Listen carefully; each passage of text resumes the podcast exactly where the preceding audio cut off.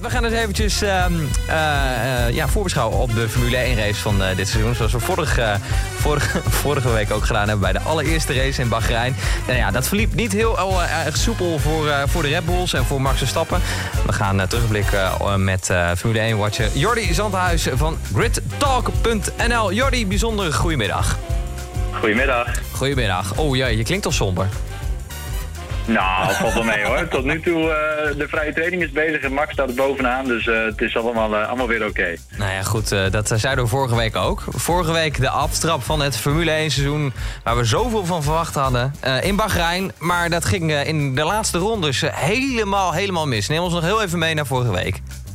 Ja, het was uh, eigenlijk een ontzettend spannende race. Hè. We hebben Max uh, goed zien vechten met uh, Charles Leclerc vooraan het veld. En nou ja, een, een, overwinning zat er dan misschien niet in. Maar goed, een mooie podiumplek, dat, dat, dat leek toch wel redelijk zeker. Totdat op een gegeven moment, nou ja, Max die had al de hele race last van zijn stuur. En op een gegeven moment toen verloor hij vermogen. En hij dacht dat het zijn, zijn batterij in de auto was. Maar er bleek uiteindelijk een, een brandstofprobleem te zijn. Er kwam te weinig brandstof in de motor. En toen viel hij stil. En toen was het einde verhaal. Ja, ik uh, zat ernaar te kijken. En uh, het enige wat ik uit kon brengen was... Nee! ja, het was zo balen. Want je hoopt zo op een mooi titelgevecht met meerdere teams vooraan. En dan, ja, goed, dan, dan is het voor, direct voor Red Bull al nul punten. Want later viel ook Sergio Perez nog uit met hetzelfde probleem. Ja, twee dus- rondes later of zo. En uh, ja, dat was wel echt, echt super zuur. Want, want ook ja, het, het, het, hoe heet het, het dochterteam, of hoe moeten we het zeggen? Het, het schaduwteam ja. van, van Red Bull uh, die, uh, die ook uh, met problemen kampt. wat zeg ik? Een motor die in de fik vloog. Ja, ineens Pierre Gasly die moest hem ook ineens langs de kant parkeren. Want die had ook inderdaad ineens een motor die in de fik vloog. ineens al het vermogen weg en de boel vloog in de hand. Dus ja, dat, dat, dat was al een slecht voorteken. Nou ja, goed, het was wel een ander probleem volgens mij. dus niet met de, brand, met de brandstof. Maar ja, het is natuurlijk niet een lekker, uh, lekker begin van het seizoen zo voor, uh, voor zo'n uh, nou ja, voor zo'n bedrijf als Red Bull Racing, zeg maar. Nee, dat snap ik. Gewoon even met nul punten beginnen. Dat is geen lekker beginnen, absoluut niet. Nee. Laten we het lekker achter ons laten en laten we ja. vooruit gaan blikken naar het, ja, de, de race van dit weekend. Ze zijn neergestreken in Saoedi-Arabië. Wat, moeten we daar, wat kunnen we daarvan verwachten?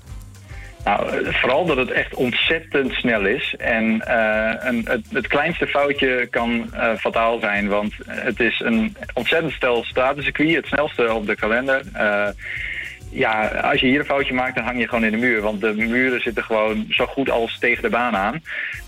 dus ja, we hebben het vorig jaar gezien met Max Verstappen... die een fantastisch kwalificatierondje neerzette. En toen in de laatste bocht uh, de achterkant verloren in de muur vloog. Terwijl anders waar echt een sensationele pole position hadden gehad.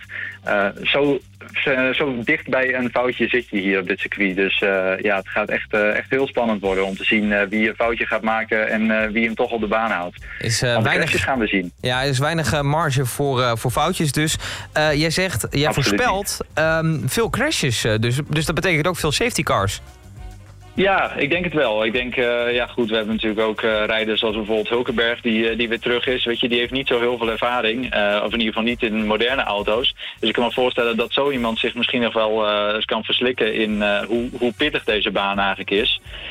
en bijvoorbeeld ook bij de Formule 2 die dit weekend er is, ga ik ook ervan uit dat we best wel wat safety cars gaan krijgen.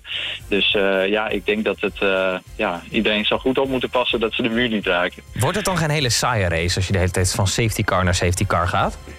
Nou, ik denk dat het juist wel ook interessant kan zijn. Want ja, je krijgt dan natuurlijk andere bandenstrategieën. Mensen die dan toch ineens maar een ander set bandje, bandjes eronder gaan zetten... omdat ze een, een eh, goedkope pitstop uh, kunnen maken, omdat ze minder tijd verliezen. Of bijvoorbeeld de sessie wordt misschien wel uh, met een rode vlag eerst afgevlagd. Want het is moeilijk om auto's weg te halen hier. Dus ik denk dat het wat dat betreft wel interessant kan zijn. inhalen is niet het grootste, nou ja, het meest sterke punt van dit circuit.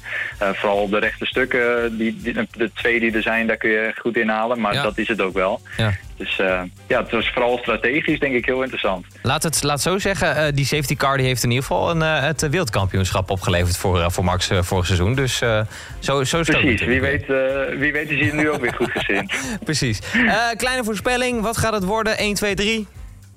Ik uh, denk dat uh, de Ferraris weer uh, vooraan zit. Dus ik gok dat het Leclerc, Verstappen en um, Sainz. Ja, wie weet Sainz wel zijn. Ja, ik denk dat dat het gaat zijn. Ja, dat denk Ehm, ik ook. Ik denk, ik denk het toch net iets anders. Ik denk eh, Leclerc, eh Sainz en dan eh, eh, Verstappen op drie.